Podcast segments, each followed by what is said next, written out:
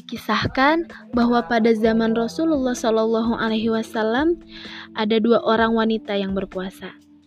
Lalu ada yang menceritakan perihal keduanya kepada Rasulullah Shallallahu Alaihi Wasallam. Dia berkata, Wahai Rasulullah, di sini ada dua orang wanita yang berpuasa, keduanya hampir mati karena kehausan. Ternyata Rasulullah Shallallahu Alaihi Wasallam malah berpaling dan tidak menggubrisnya. Orang itu pun datang lagi kepada beliau dan kembali menceritakan kejadian tersebut. Dia berkata, "Wahai Rasulullah, keduanya hampir mati." Maka Rasulullah Shallallahu Alaihi Wasallam pun bersabda, "Panggil keduanya." Akhirnya kedua wanita itu pun datang.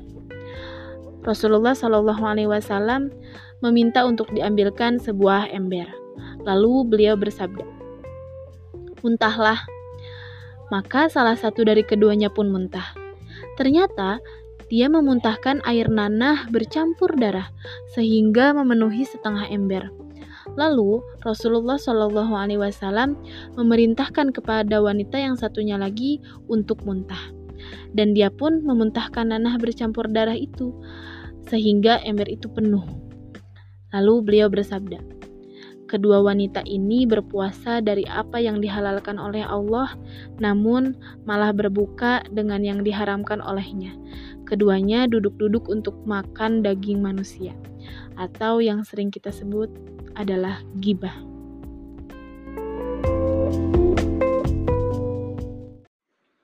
Kisah Thabit al-Ansari, sahabat Nabi yang pura-pura berbuka puasa.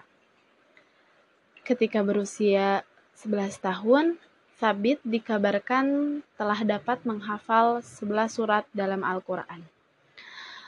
Zaid bin Thabit An-Najari Al-Ansari adalah salah seorang sahabat Nabi Muhammad Wasallam dan merupakan penulis wahyu dan surat-surat Nabi. Thabit Al-Ansari juga merupakan keturunan Bani Khazraj yang mulai tinggal bersama Nabi Muhammad Wasallam ketika ia hijrah ke Madinah.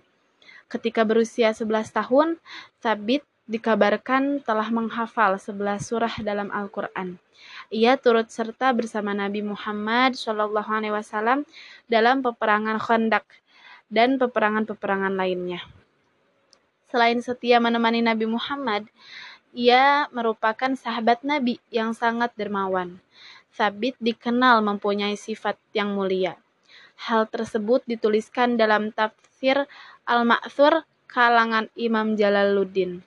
Sesaat sebelum waktu maghrib tiba, di rumah Sabit kedatangan tamu. Tamu tersebut merupakan seorang musafir yang tak memiliki bekal. Sang musafir datang ke rumah Sabit tanpa sedikit pun bekal yang bisa dimakan untuk berbuka puasa. Saat itu Sabit bingung. Pasalnya, ia ingat pesan-pesan Nabi tentang kesunahan memuliakan tamu. Sayangnya, pada saat itu kondisi ekonomi Sabit sedang sulit. Ia hanya memiliki makanan yang sangat terbatas untuk berbuka bersama keluarganya. Selepas mempersilahkan masuk, orang yang datang ke rumahnya itu, Sabit berbisik kepada sang istri. Apakah ada makanan untuk petang ini? Sang istri pun turut gundah. Ia pun menjawab, Demi Allah, wahai suamiku, tidak ada lagi makanan yang kusimpan, terkecuali sedikit. Mendengar jawaban sang istri, Sabit terdiam sambil memutar otak. Akhirnya, Sabit menemukan siasat untuk mengatasi hal tersebut. Sabit menyuruh sang istri untuk mematikan lampu saat berbuka tiba. Pada saat waktu maghrib tiba, sang tamu atau musafir itu yang datang ke rumahnya tadi dipersilahkan menyantap hidangan yang serba pas-pasan tersebut.